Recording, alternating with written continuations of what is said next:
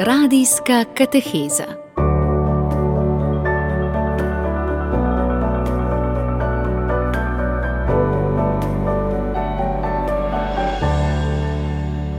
Lepo pozdravljeni, spoštovani poslušalci, drage poslušalke, dober večer v radijski katehezi, lep dober večer pa voščim tudi bratu Janu Dominiku Bogataju. Lepo pozdravljeni. Če bi zdaj bila tukaj neka kamera, bi naši poslušalci seveda videli, da ima vsak svojo prelepo rdečo knjigo, na kateri piše Božja liturgija. Pa bi za začetek brat Jan Dominik Bogataj najprej povedala, zakaj se sploh ustavljava pri liturgiji, morda razlaga same besede liturgija. Tako, um, vesel sem, da lahko nocoj posvetimo nekaj minut eh, tema pravzaprav dvema novima izdajama. Eh, čisto svežima, eh, tako imenovane božje liturgije, oziroma bolj natančno rečeno, slovenskega prevoda vzhodnega, torej bizantinsko-slovanskega obreda eh, božje liturgije. Se pravi, že sama beseda liturgija prihaja iz, iz grščine, liturgija. In pa, ki je pa beseda že starodavna, uporabljali so že stari Grki, predvsem v pomenu javnega uh, zborovanja, javnega shoda, oziroma tudi mm, javne službe, lahko bi rekli, um, mogoče za tiste slovesnejše uh, javne shode, s katerimi se je um, poudarila vloga skupnosti, um, in pa v, prek tega, da ima skupno, skupnost dolo, določeno, da je v službi, pravzaprav uh, znova te skupnosti, ne, da, je, recimo, da so se uh, zbrali modreci in so potem odločali tudi o, o zadevah celotne skupnosti. In uh, prav zaradi tega, ob, lahko rečemo, skupnostnega ali pa občestvenega vidika, tudi že zgodne krščanstvo hitro sprejme to besedo in z njo um, označi podobno, vendar povsem novo stvarnost. Namreč že stari Izraelci so dajali izredno, izreden pomen skupnemu zbiranju k bogočastju. Ne, to je bila najvišja oblika uh, molitve, ko so dejansko pr, tako po shodnicah, predvsem pa par excellence uh, v templju um, prepevali psalme in pa upravljali daritve. In tudi, seveda, zgodna krščanska skupnost, eh, prvi kristijani, sam Kristus, je prav tako počel.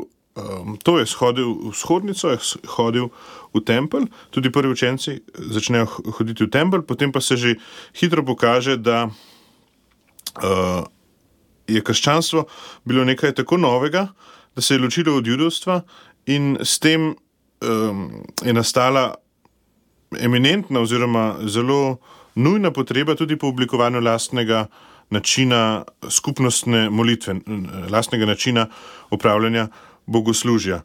Um, in seveda, ker je krščanstvo potem hitro zaživelo, predvsem v grškem svetu, in prevzelo tudi določene koncepte, pojme iz uh, grškega jezika, je v, tem, v tej besedi liturgija dejansko kot sem že povedal, zaradi tega skupnostnega vidika zbiranja k bogočastju uporabilo to besedo uh, in ji dalo nov pomen. Danes, uh, tako v širšem smislu, tudi na zahodu rečemo, tudi latinščina prevzame potem to besedo, zato tudi na zahodu danes rečemo liturgija, eh, kar enak, v, v enakem pomenu, približno kot bogoslužje, uh, medtem ko v ožjem pomenu, tudi tu konkretno, pomeni božja liturgija, theja liturgija um, tisti najvišji, najpomembnejši bogoslužni akt, bogoslužno dejanje, se pravi um, upravljanje Euharistije znotraj tudi ostalih um, bogoslužij, ki pa imajo za stopnjo manjši pomen. Tako postane v bistvu liturgija v ožjem pomenu izraz za to, čemu mi na zahodu rečemo sveta Maša. Ja, na začetku knjige tudi piše, da je to poljudna izdaja Božje liturgije Janeza Zlatoustega in Bazilija Velikega, da je to bizantinsko-slovanski obred, slovenski prevod. Kaj nam vse te informacije pravzaprav povedo? Ja, kar nekaj, bomo, kar nekaj podrobnosti treba tu pojasniti, ampak mislim, da uh, ni nič tako zapletenega. Na vzhodu, se pravi, med uh, različnimi, več kot 20 vzhodnimi krščanskimi cerkvami, je zdaleč najbolj razširjen obred za obhajanje tega, če moramo mi rečemo Euharistija ali Sveta Maša, prav ta, tako rečemo, bizantinski obred. To pomeni obred, ki se je razvil eh, s pomočjo uh, Jeruzalemskega in antiohijskega obreda, tam nekje od 4., 5., 6. stoletja naprej, in um, je nastal v okviru tedanje prestolnice vzhodnega cesarstva, se pravi v Konstantinoplu, današnjem Istanbulu, in takrat v, v, v 7., 8., 9. stoletju postane ta obred um, prevladujoč na velikem delu vzhoda. Um, predvsem v teh crkva, znotraj teh crkva, tradicionalnih crkva, ki jim danes rečemo pravoslavne, se pravi tiste, ki so sprejele uh, odloke koncila v Kalcedonu, se pravi o dveh naravah Kristusa, to pa je velika večina tudi današnjega vzhodno-krščanskega sveta. Tako recimo uh, ta obred še danes uh, združuje kristjane tako ekumenskega patriarhata v Konstantinoplu in vseh, pripada, vseh 300 milijonov, ki mu pripadajo po celem svetu, potem ta obred upravljajo v Ruski pravoslavni cerkvi, v, vseh, v Aleksandrijski, Antiohijski, nam bližji Srpski pravoslavni cerkvi, se pravi v veliki, veliki večini eh, pravoslavnega sveta. Ta obred je v, v začetku seveda nastal v grškem jeziku, pripisan je, kot smo že rekli, eh, torej daleč najbolj razširjena oblika je tako imenovana Božja liturgija Janeza Zlatoustega, eh, ki je nekako eh, po tem velikem crkvenem očetu, eh, Konstantinopolskem načkofu, ki umre leta 406, dobila ime, saj nekako naj bi nekatere molitve oziroma nekateri, nekateri deli obreda um, izhajali še iz njegovega časa, medtem ko potem se dejansko formira tam do enega 9. in 10. stoletja. Medtem ko poznamo tudi eh, drugo obliko, lahko rečemo sestrinsko obliko tega obreda, um, Božja liturgija Bazilija Velikega, poimenovana prav tako po enem velikem vzhodnem crkvenem očetu, ki je živel še malce prej in še malce bolj vzhodno, se pravi v tedajni Kapadokiji, današnji osrednji Anatoliji oziroma Turčiji. In um, praktično gre za zelo, zelo podoben obred, eh, in tudi ljudstvo, um, oziroma verniki, se pravzaprav težko zavemo, kateri obred se kdaj upravlja, kajti obred se razlikuje predvsem v tem, da ima duhovnik, ki um, moli potiho, uh, v tem obredu svetega Bazilija, drugačne molitve. In prav iz obeh obredov bomo tudi nocoj eh, skušali, skušali izbrati nekatere dele, ki so morda uh, najlepši v smislu um, teh res zakladnic molitve, uh, s svojo poetičnostjo in pa hkrati tudi uh, s tem, da povzamejo celotno teologijo zgodovine odrešenja v nekaj res um, zgoščenih in pa pre, skozi stoletja premoljenih molitvenih obrazcev. Eh, k tem uvodnim določitvam pa naj pojasnim še, zakaj smo rekli, da je, gre za bizantinsko-slovanski obred. Kot sem že omenil, božja liturgija nastane v grščini, se oblikuje tam nekje do 9. in 10. stoletja.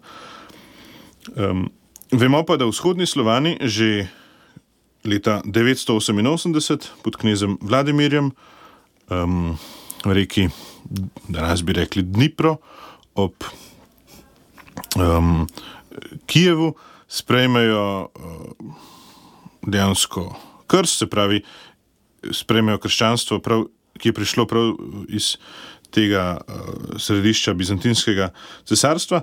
No, in zanimivo, da poznamo uh, anegdoto o tem, kakšno vero so dejansko uh, naj bi sprejeli.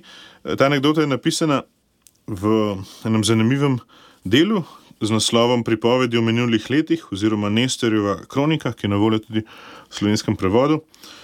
nastala je nekje v začetku 12. stoletja. Beremo o tem, kako je pa leto pred krstom, teda nek knez, kijovski knez Vladimir, poslal svoje odposlance na tri strani. Se pravi, pre, primerjali so obredje, navajam, bolgarskih muslimanov, nemških katolikov in pravoslavnih iz Bizanca.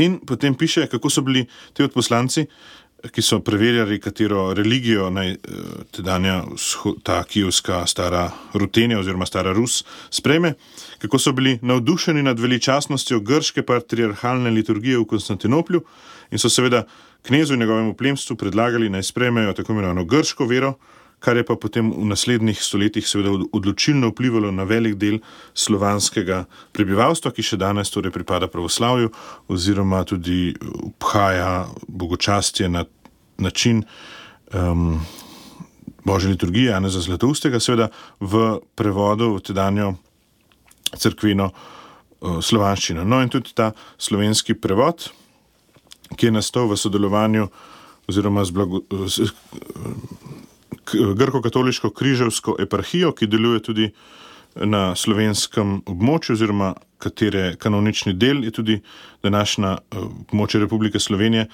je potem nasel in, in pripada temu vzhodnemu.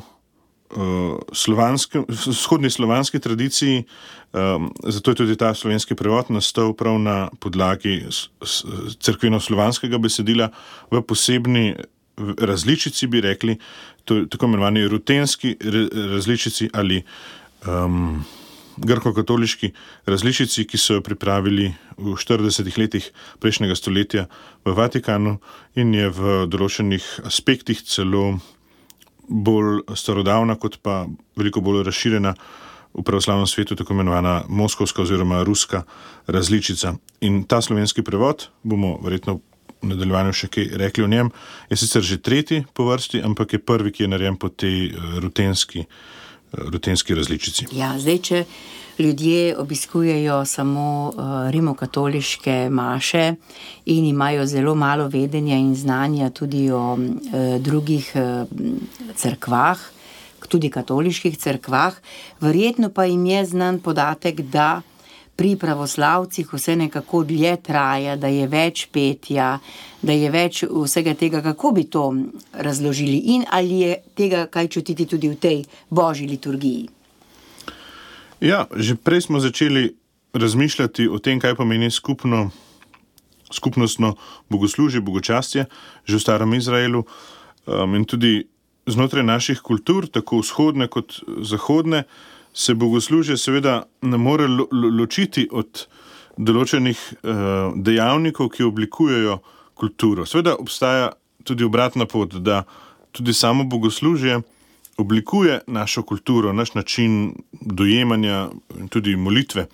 In seveda pri tem so vzajemnem vplivanju se je na Zahodu razvil um, seveda malce drugačen obred z drugačnimi poudarki, ki morda bolj izraža to uh, našo zahodno, rimsko, latinsko uh, miselno obnebje, ki je bilo seveda veliko bolj tudi pravno um, utemeljeno. Veliko bolj, lahko rečemo, racionalno, oziroma strukturirano, veliko bolj um, podarjena je bila uh, enotnost, uh, uniformiranost in seveda, dediči tega uh, smo danes tudi mi, uh, kristijani, ki spadamo na, na zahod, ki smo dediči te latinske tradicije. S tem seveda ni pravzaprav nič narobe, mi ves govor o, o tem služi le temu, da bi se bolje zavedli. Bogatstva naših korenin in jih začeli bolje prvič razumeti in zato tudi bolj, bolj ceniti, kar se lahko zgodi prav v tem, kar nocoj počnemo, v dialogu, tudi, oziroma v spoznavanju tudi eh, drugih tradicij, v primerjanju in seveda eh, ne gre tu za neko tekmovanje, ampak jaz mislim, da eh, že beseda katolikos, se pravi katoliški, pomeni katholos, ki, to, kar zadeva vse. In mislim, da moramo biti katoličani, seveda po, po svoje ukorenjeni v tem, uh, kar smo, po drugi strani pa odprti tudi za druge tradicije, ki seveda v določeni meri, pravzaprav tudi formalno oziroma pravno, spadajo pod katoliško crkvo. In zato smo res veseli, da, uh, da nimo od, od letošnje pomladi naprej v Ljubljani deluje nova parohija oziroma župnija svetega nadangela Mihajla, ki spada pod že preomenjeno grko-katoliško križovsko eparhijo, kar je, se mi zdi, en eh, lep korak naprej k večji liturgični pestrosti tudi znotraj naše kulture, ki se mi zdi, da jo seveda potrebujemo, tako da je sedaj se možno praktično eh, vsakemu katoličanu v Sloveniji seznaniti tudi tako iz prve roke. Vsako nedeljo se eh, Božja liturgija obhaja ob 11. uri v Stari cerkvi svetega Erneja na celovški cesti v Ljubljani. Tako da se mi zdi, da je to zgolj ena pridobitev, oziroma po drugi strani tudi odgovarja na potrebe časa, kajti če dalje več eh, tudi priseljencev, predvsem iz Ukrajine, v tem času srečujemo pri nas. Po drugi strani pa je to tudi lahko ena misionarska priložnost, da preko malce drugačnega načina obreda, morda tiste, ki nimajo vere ali pa tiste, ki so jo nekje na poti življenja izgubili, um, znova pritegnemo um, k temu bogatstvu in veličastju krščanske skrivnosti. Krščanske eksistence, ki je seveda v prvi vrsti molitvena. Ja, tako lepo ste zdaj napeljali, da bom eh, zlahka tukaj ponudila knjigo v branje, pri kateri se lahko naši poslušalci izobrazijo, če se še niso. Simon Malmenval je namreč prevedel delo florovskega potiruske teologije, tam zelo dobro piše o tem pravoslavju in teh stvarih in kako je pravzaprav pravoslavje. Eh, Moskva in Rim ali Kijev in Rim, kako je bilo to medsebojno pravzaprav um, oplajano skozi zgodovino. Drži. No, seveda smo zelo veseli, da je Simon sodeloval tudi pri tej izdaji. Uh, tudi to izdajo, ki jo drživa sedaj v rokah, lahko naši poslušalci um, primejo v roke. Nastala je v dveh različnih uh, izdajah. Prva se imenuje, uh, je naslovljena Služebnik, kar bo morda slovenskemu poslušalcu na prvi, uh, na prvi vtis uh, zvenelo malce nenavadno, ampak gre pravzaprav za dobesedni prevod grške besede liturgikon kar pomeni um, knjiga, v kateri so zbrane različne službe oziroma načini, kako se te, uh, te službe, bogoslužne dejanja služijo. In uh, ta izdaja prihaja v tako lični, trdovezani um, izdaji uh, in je v prvi vrsti namenjena za liturgično obhajanje, zato jih je bilo natisnjenih zgolj 300 izvodov.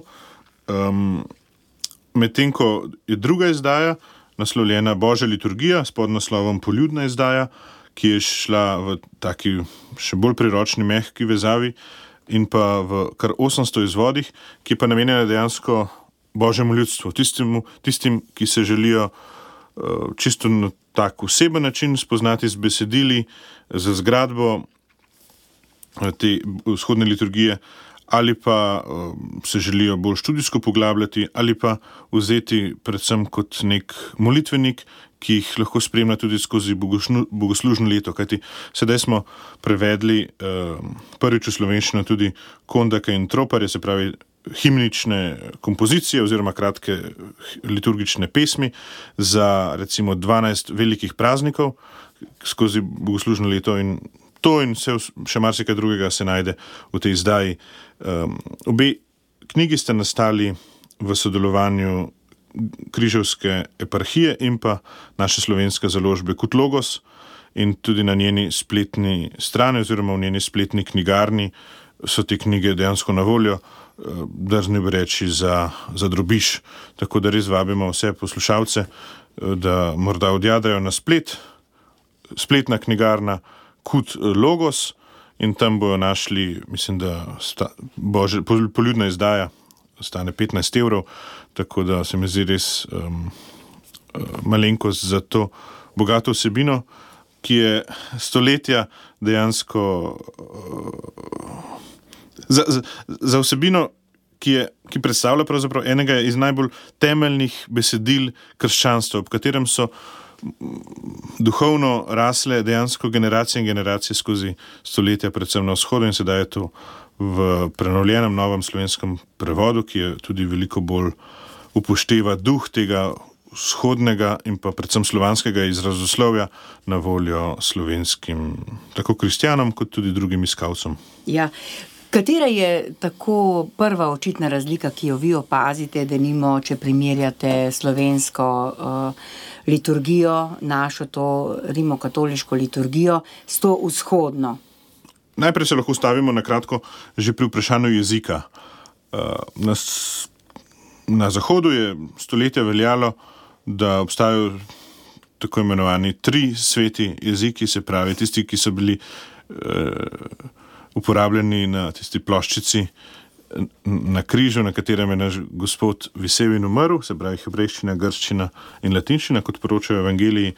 In zato se je predvsem na, na, na zahodu liturgija vršila eh, v latinščini, vendar moramo reči, da prva štiri stoletja je bila tudi na zahodu grščina uradni bogoslužni jezik, kar lahko dobro razumemo, če se spomnimo našega velikega sopotnika in rojaka Hieronima, ki mu v drugi polovici 4. stoletja rimski papež Damas naroči nov prevod svetega pisma v latinščino, kar pomeni, da takrat se je že začelo dogajati, da latinski, rimski kristijani niso več razumeli grščine, se tako bogoslužijo kot um, pri prebiranju svetega pisma, in je bila potreba po latinščini. Seveda, potem na Zahodu, vse do drugega Vatikanskega koncila, latinščina močno vpliva na dojemanje bogoslužja. Sedaj moramo reči, nekateri celo pravijo, da je z drugim Vatikanskim koncilom, oziroma predvsem z njegovo interpretacijo, šlo kar malce predaleč v tem um, prilagajanju oziroma prevajanju v sodobne jezike, kar je seveda po svoje ve, velika pridobitev. Ljudje se sedaj lahko dejansko v svojem jeziku srečamo z besedili, po drugi strani pa eh, koncil ni naložil popolne odprave latinščine. Se mi zdi tudi. Tukaj bomo še nazaj prišli, mogoče k tem, da bomo znali znova bolje ceniti tudi um, latinščino. Na vzhodu je od začetka, seveda, poznamo bogoslužje v Grčiji, poznamo veliko misionarsko delo Ciriljene metode, eh, ki prevede ta bogoslužje v crkveno slovanščino.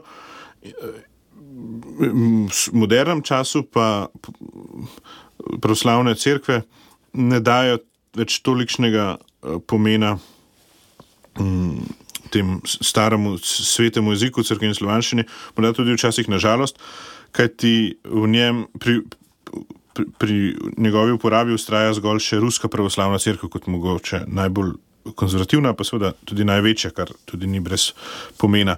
Tako da vse ostale pravoslavne crkve bolj ali manj uporabljajo liturgijo v svojem domačem jeziku, um, ali pa tudi eh, kombinirajo jezike, kar se mi zdi tudi posrečeno in to je morda ena taka velika razlika. Ne? Tudi ko smo konec maja predstavljali ta prevod v Ljubljani in te predstavitve sledila tudi prva arhierejska, spravi škofovska liturgija v slovenščini, v Ljubljanski stolnici, je bilo moč slišati tako dele bogoslužja v crkveni slovanščini, potem celo v grščini, v slovenščini. Eh, na vzhodu niso, ne podlegajo tako uniformizmu.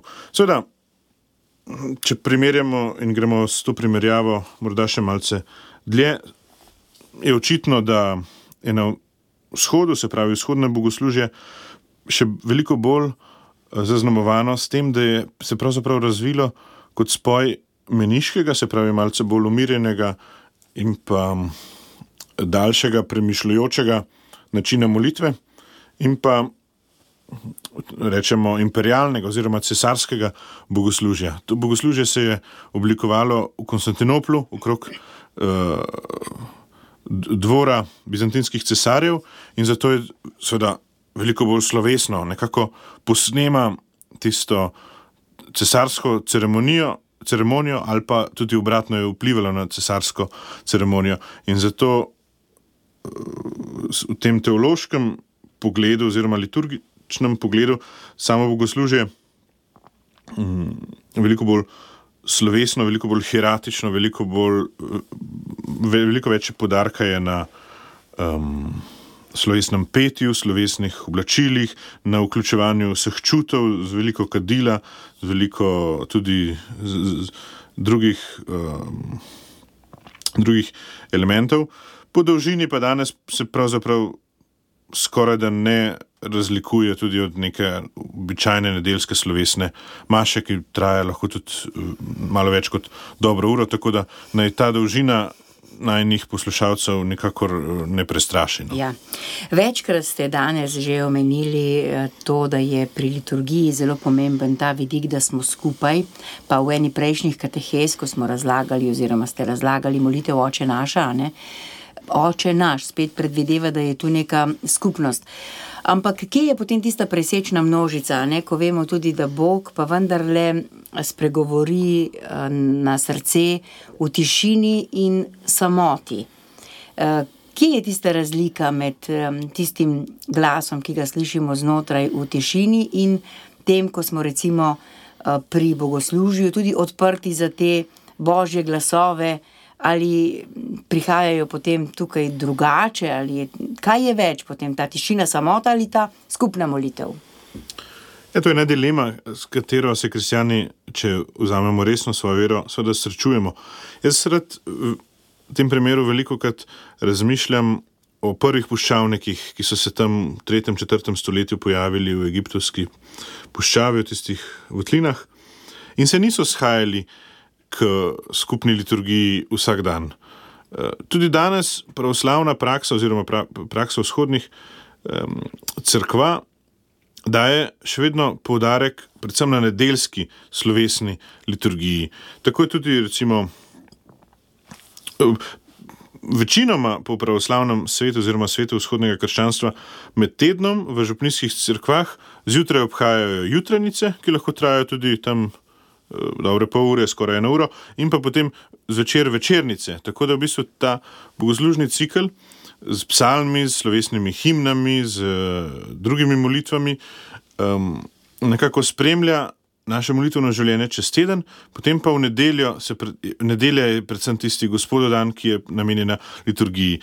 In tudi že prej omenjeni puščavniki ne, nam lahko pomagajo razumeti, kako živeti to krščansko napetost med osebno molitvijo, saj je tudi Kristus naročal, a ne večkrat pojdi v sobo in se zapri in tam uh, moli k svojemu očetu.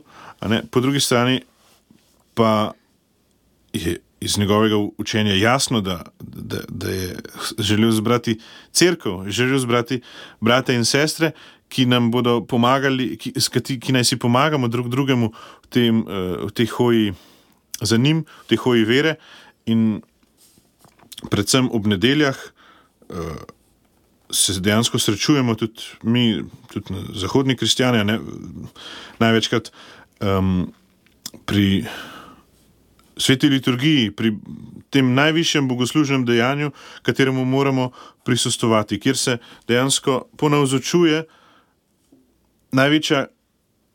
Kristusova skrivnost smrti, ne, na to velikrat na Zahodu v, za, v zadnjih desetletjih pozabljamo, da je pravzaprav sveta Maša ponavljanje na nekrvav način, Kristusove krvave daritve na križu, kaj pa lahko, kaj, kaj pa, ki, ki potem.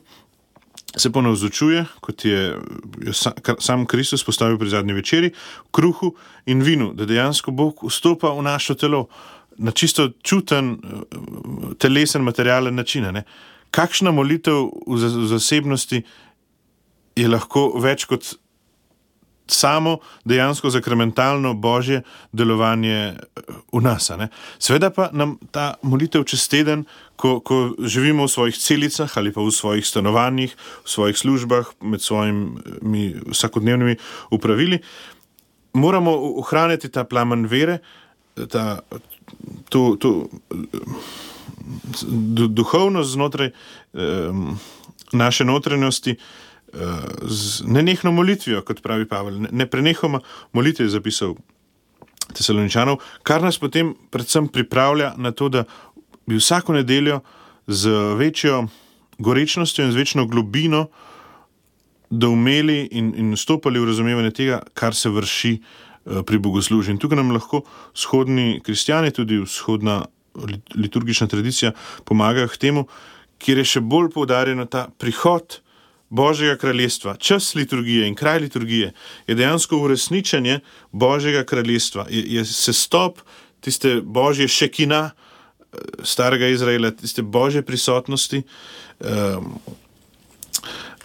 na, na, na, na zemljo, kjer se dejansko v, v sklopu liturgije ponovno ozučuje celotno Kristusovo odrešilno delovanje, ki ga je upravljal tu na zemlji in ga preko liturgije, kot najbolj eminentne, najbolj vzvišene. Um, Najbolj živčne stvari na zemlji, znova in znova, vsak dan, vsako nedeljo, uh, ponavlja. In, uh, naj zaključim uh, ta poskus odgovora ravno z navajanjem začetka. Uh, iz te božje liturgije Janeza Zlatoustega, ki uh, se ne začne v, kot pri nas na Zahodu v imenu Očeta in Sina in Svetega Duha, ampak najprej diakon reče blagoslovi vladika, potem pa duhovnik reče blagoslovljeno bodi kraljestvo Očeta in Sina in Svetega Duha zdaj in vsele in na veke vekov.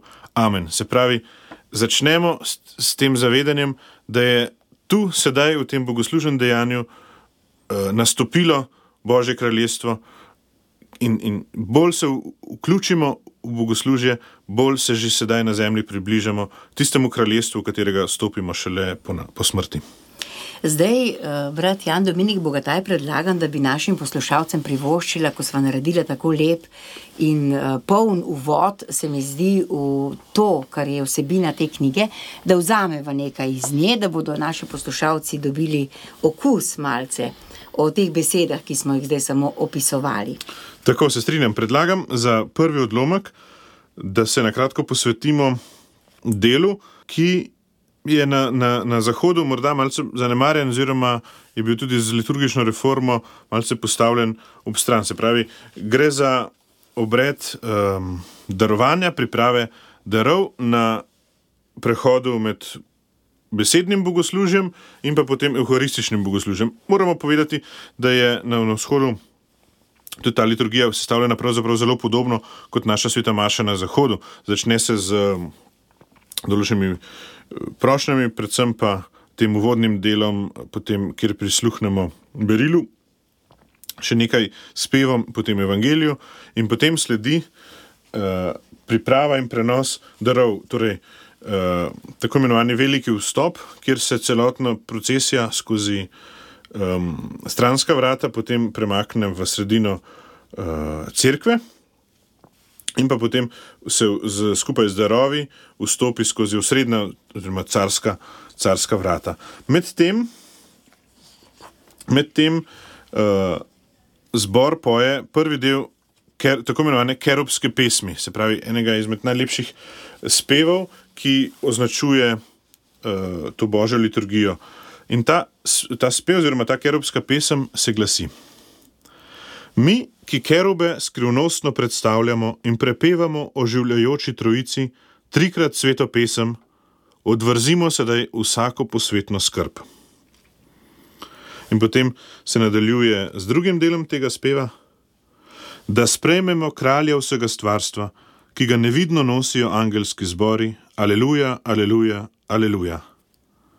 Spravi ta kratka, ampak zelo značilna kerubska pesem, ki je tudi seveda, skozi zgodovino uglasbljena strani največjih mojstrov, predvsem vzhodne, vzhodne pravoslavnih pokrajin, predvsem velikih ruskih skladateljev, nas nekako pri, postavlja v vlogo um, kerubov, mi, ki kerube skrivnostno predstavljamo in prepevamo o življajoči trojici, trikrat sveto pesem, odvrzimo sedaj vsako posvetno skrb.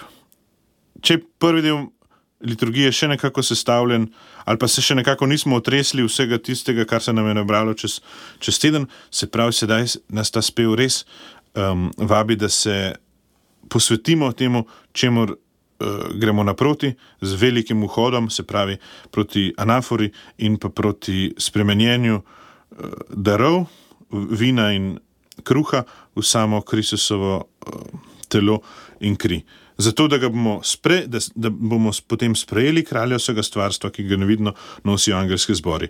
No, medtem pa duhovnik moli naslednjo molitev potiho in teh tihih molitev je v vzhodni liturgiji še veliko več kot v zahodni sveti maši. In tudi zato je lahko eh, branje te knjige pravzaprav edinstven vstop v, v razumevanje tistega, česar se mogoče tudi, ko se udeležimo bogoslužja, pravzaprav ne moremo dotakniti. Ker ti duhovnik tiho ali pa pol tiho, pol glasno pri oltarju moli določene molitve, ki so seveda res premoljena teologija stoletij, res um, nekakšen učbenik krščanske molitve, bogoslužja, pa nam brez prevoda oziroma brez uh, knjige uh, lahko ostanejo za nas uh, oddaljeni, oziroma se ne srečamo z njimi.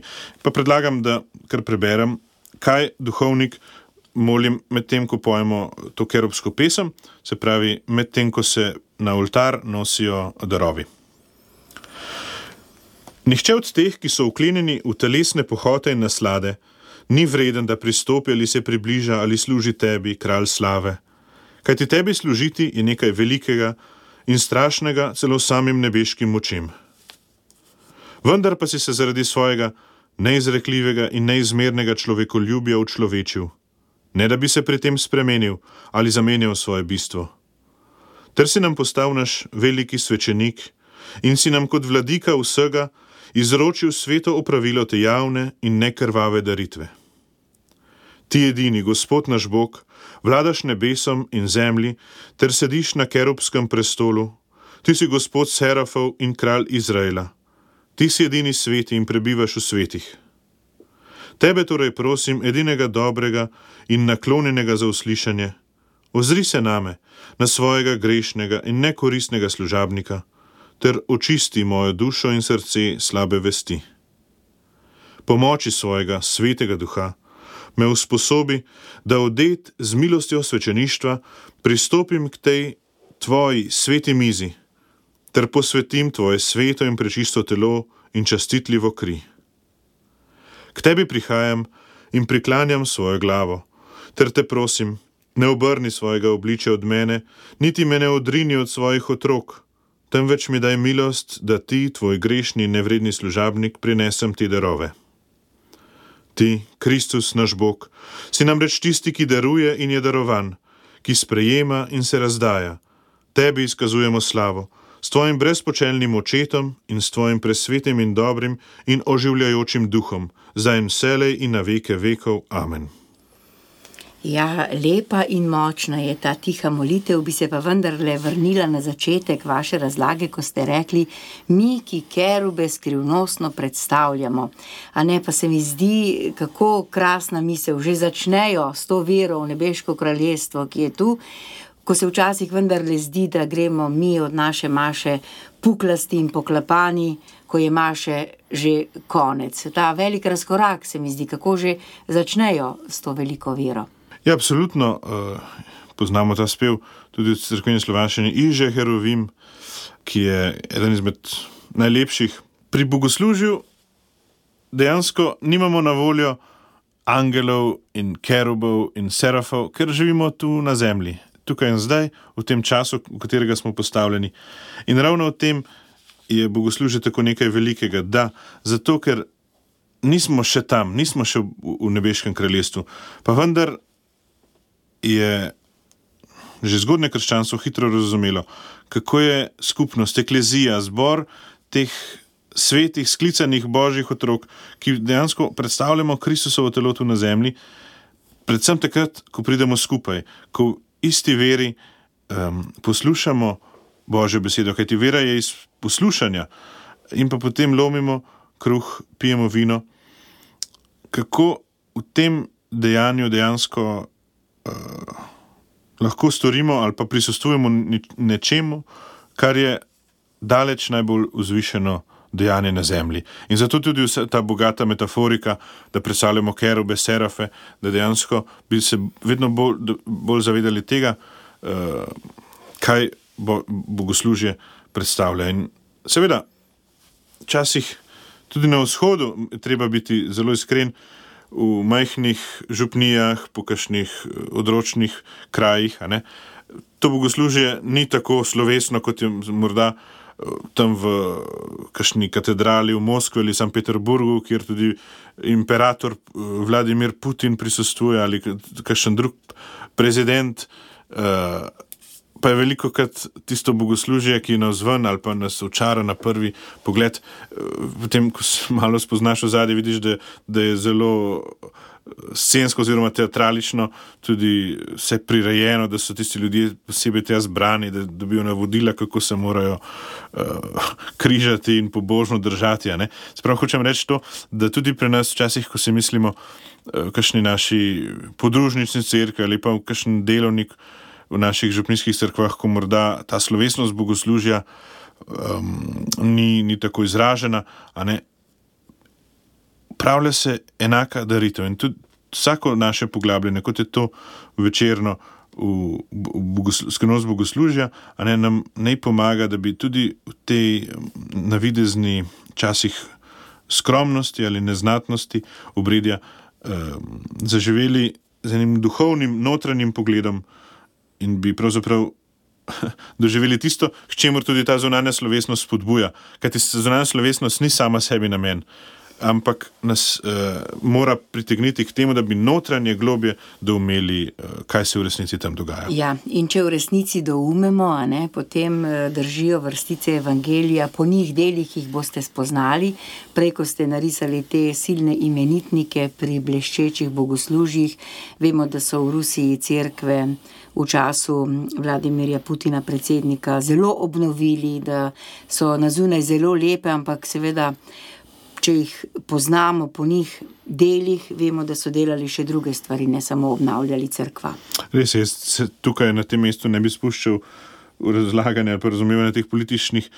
Eh, zapletenih situacij in tudi odnosa med eh, crkvijo in državo. No, se to tudi ni namen tega. Ampak, tehe, ja, ne? seveda, ja. Eh, tudi se spomnim enega pričevanja enega starega duhovnika o tem, kako ki je prišel iz Rusije in je razlagal, kako dejansko z milijoni in milijoni rubljev, ki, ki jih uložiš in obnove crkva in velikih samostanov, in tako naprej, se ne da kupiti tistega um, pristnega duhovnega življenja, meništva, uh, ki, pa, ki je bilo seveda, to tudi treba priznati, v desetletjih sovjetske nadvlade v Rusiji zatrto in, in dejansko se ta tradicija tistih starcev iz, iz 19. stoletja uh, hudo um, pre, nasilno prekinila, nažalost. Ne? Ampak uh, ne vem, če je ta pot za, za milijoni in milijoni tega zunanjega ukrasa uh, tista, ki bo privedla do njene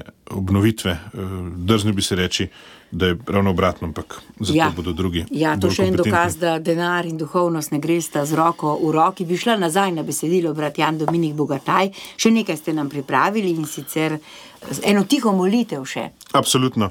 Prav uh, najlepša, uh, najlepša besedila iz božje liturgije so, pravim, nažalost. Uh, običajno upravljena v tihoti, se pravi, ki jih duhovnik sam upravlja in zato je tudi ta lahko, tudi nocoj lahko priložnost, da jih malce bolj spoznamo. Se pravi, ko smo prinesli v tem slovesnem velikem vhodu, vstopu darove na oltar, se potem po ekteni začne anafora. Anafora pomeni uh, uspon, se pravi, an, ana, zgor nesem, kjer dejansko te darove, ki jih prinesemo na oltar, vse skozi spremenjenje, pretvorbo, ko postanejo Kristovo telo in kri, do tiste zadnje, eh, eh, do zadnjega stadija, ko ti darovi pravzaprav nas ponesejo, jih mi ponesemo, oziroma pravzaprav darovi nas ponesejo.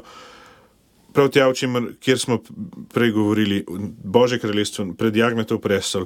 In zato na vzhodu ni tako poudarjen prav tisti konkreten eh, trenutek, sekunda, eh, stotinka, kdaj se kruh in vino spremenita, uh, ne, transsubstancirata, kot pre, smo se pri nas v srednjem veku na Zahodu spraševali, ne, ker dejansko je ta najsvetejši trenutek, ko duhovnik izgovarja besede posvetitve in od takrat naprej vemo, da zdaj je na oltarju Kristus. Medtem ko na vzhodu je ta celoten, celotna anafora, celoten potek uh, od pripravljanja darov, pretvorbe in potem končnega postavljanja pred uh, nebeški jagnetov oltar, celoten proces tudi um, tega, da, da, da, da se naše krščansko bivanje na enak način uspne in dviga, dviga k Bogu. In gre dejansko bolj za poudarek na, na tem procesu, na tem postopnem usponu, kar odraža lepo tudi anafora. Sedaj bi prebral en odlomek. Iz anafore v Božji liturgiji Bazilija Velikega, kjer so, kot sem že prej omenil, te tihe molitve uh, malce drugačne. Ampak bomo videli, da pravzaprav to nič manj uh, starodavne, ne, ne slovesne. Uh, duhovnik takole tiho moli. Vladika vseh, gospod Bog oče, vsemogočni in vreden poklona, res je pravično in lepo, da te zaradi tvojega prelepega veličastva hvalimo, ti pojemo, te slavimo, se ti klanjamo, se ti zahvaljujemo in proslavljamo tebe, edinega resničnega Boga ter ti skrušenim srcem in ponižnim duhom darujemo to našo duhovno daritev, kajti ti si nam dal spoznati svojo resnico. In kdo more opisati tvojo moč, razglasiti vso tvojo slavo ali oznaniti vsa tvoja dela v vsakem času? Vladika vseh, Gospod nebes in zemlje in vsega stvarstva, vidnih in nevidnih reči, ki sediš na prestolu slave in se oziraš v globine, ti si večen, neviden nedoumljiv, neizrekljiv in nespremenljiv. Oče našega Gospoda Jezusa Kristusa, velikega Boga in odrešenika, našega upanja, ki je izraz tvoje ljubezni, pečat istolikosti, podoba očeta, živa beseda, resnični Bog, predvečna modrost, življenje, posvečenje, moč, prava luč, v kateri se je razodel sveti duh, duh resnice, dar posinovljenja poroštvo prihodne dediščine, začetnik večnih dobrot, oživljajoča moč, pravi izvor posvečenja. Po njem okrepljena ti služi vsaka duhovna in umna stvar, ter ti prepeva večni slavospev, kajti vse je tvoja last. Tebe hvalijo angeli nad angeli, prestoli gospodstva, vladarstva, oblasti, moči in mnogo oki kerubi, Tebe obdajajo serafi, šestimi perutmi eni, šestimi perutmi drugi. Z dvema perutma si zakrivajo svoje obličje, z dvema noge in z dvema letajo ter neprestano vzklikajo drug drugemu glasne slavospeve. Ja, zdaj manjka našim poslušalcem verjetno samo še kadilo na vse to. no, predvsem pa zavedanje, da teh čudovitih, res uh, stoletja, vekovitih besed drugače ne slišimo, oziroma z njimi težko pridemo v stik. In to se mi zdi ena lepa priložnost, ta slovenska izdaja, ki je dejansko namenjena sem, uh, da se z temi besedili srečamo, ker nam, verjamem, lahko pomagajo tudi temu, smo, o čemer smo prej govorili, vedno bolj notranjemu, globokemu doživljanju. Eh, bogoslužje. Ja. Bomo imeli, brat Jan Dominik Bogataj, še čas za eno misel, lahko poslušamo še en odlomek, ki to anaforo nadaljuje in pripelje vse tja do posvetilnih uh, besed, ki se mi zdi, da pravzaprav še stopnjuje to slovesnost in ta proces, ko se uspenjamo proti tistemu nebeškemu jagnetevemu oltarju. Ja, zdaj, da bodo naši poslušalci bolje dojeli, lahko morda sami prižgejo kakšno kadilo, svečo in skušajo biti sredi božje liturgije. Vas pa prosim za besedilo. S temi blaženimi močmi človekoljubni vladika, tudi mi grešniki kličemo in govorimo. Resnično si svet in presvet, in veličastvo tvoje svetosti nima meja svet si v vseh svojih delih, kajti s pravičnostjo in pravo razsodbo si vse izvršil nad nami. Ustvaril si človeka iz zemeljske prsti in ga oblikoval po svoji podobi obok. Postavil si ga v raj veselja, ter mu obljubil nesmrtno življenje in uživanje večnih dobrot za izpolnevanje tvojih zapovedi. Ker pa ni poslušal tebe, pravega Boga, ki si ga ustvaril, in se je pustil zapeljati lažnivi kači, je umrl zaradi svoje pregrehe in izgnal si ga v bok svojo pravično sodbo iz raja na ta svet, ter ga vrnil zemlji, iz katere je bil vzet. Dal si mu prerojenje v zveličanje po samem tvojem Kristusu. Nisi uničil odobri svoje stvari, nisi pozabil dela svojih rok, temveč si ga zaradi svoje milosrčne milosti mnogokrat obiskal.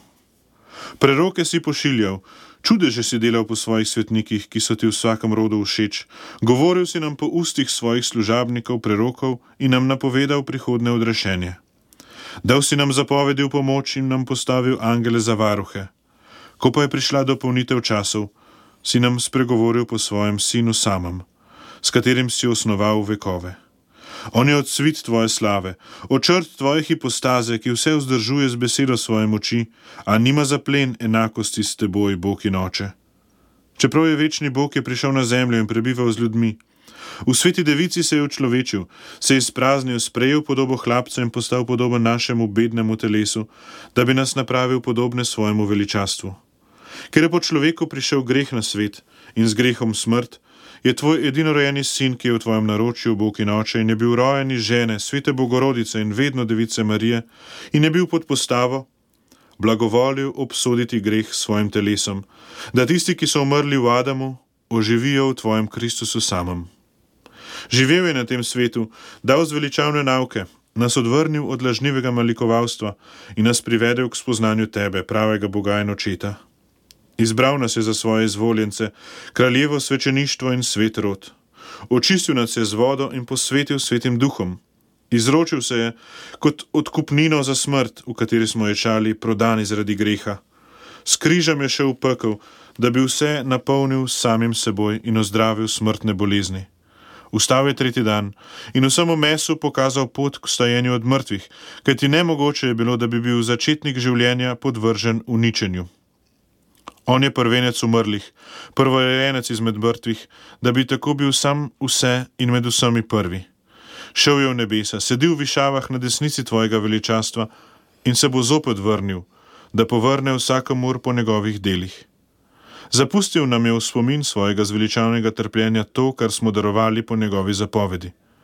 Ko je hote šel v prostovoljno, nikdar pozabno in oživljajočo smrt, je v noči, ko se je izročil za življenje sveta, vzel kruh v svoje svete in prečiste roke, daroval tebi, Bogu in očetu, se zahvalil, blagoslovil, posvetil, razlomil. Tako res prečudovite besede, ki nas popeljejo skozi vse naše verovanje. Pravzaprav, brat Jan Dominik, bogataj, toliko časa nam je še ostalo, da poveva še morda zaključno misel, kje lahko naši poslušalci pridejo do te knjige, tudi sami preberejo ta čudovita besedila. Ta besedila, ki smo, ju, ki smo jih nocoj prebrali, lahko preberejo na spletu, naši očetje v veri se pravi pod stran, uh, stran, spletne strani Radio Ognišče, boste našli naši očetje v veri. Medtem ko celotno knjigo uh, lahko dejansko kupijo za, uh, kot sem že prej omenil, za nekaj. Evrov za na, tri spletni, kave, za tri kave, tako, na spletni strani založbe Kut Logos, se pravi spletna knjigarna Kut Logos, Božja liturgija. Če to vtipkate v brskalnik, um, ni vrag, da ne bi tega našli. Naj pa zaključim uh, z eno z enim, še z enim kratkim besedilom, ker smo ram, ravno pred praznikom um, Marinega vnebovzetja oziroma uh, zaspanja presvete Bogorodice, kot pravijo temu prazniku, ki ga obhajamo 15. augusta na zahodu.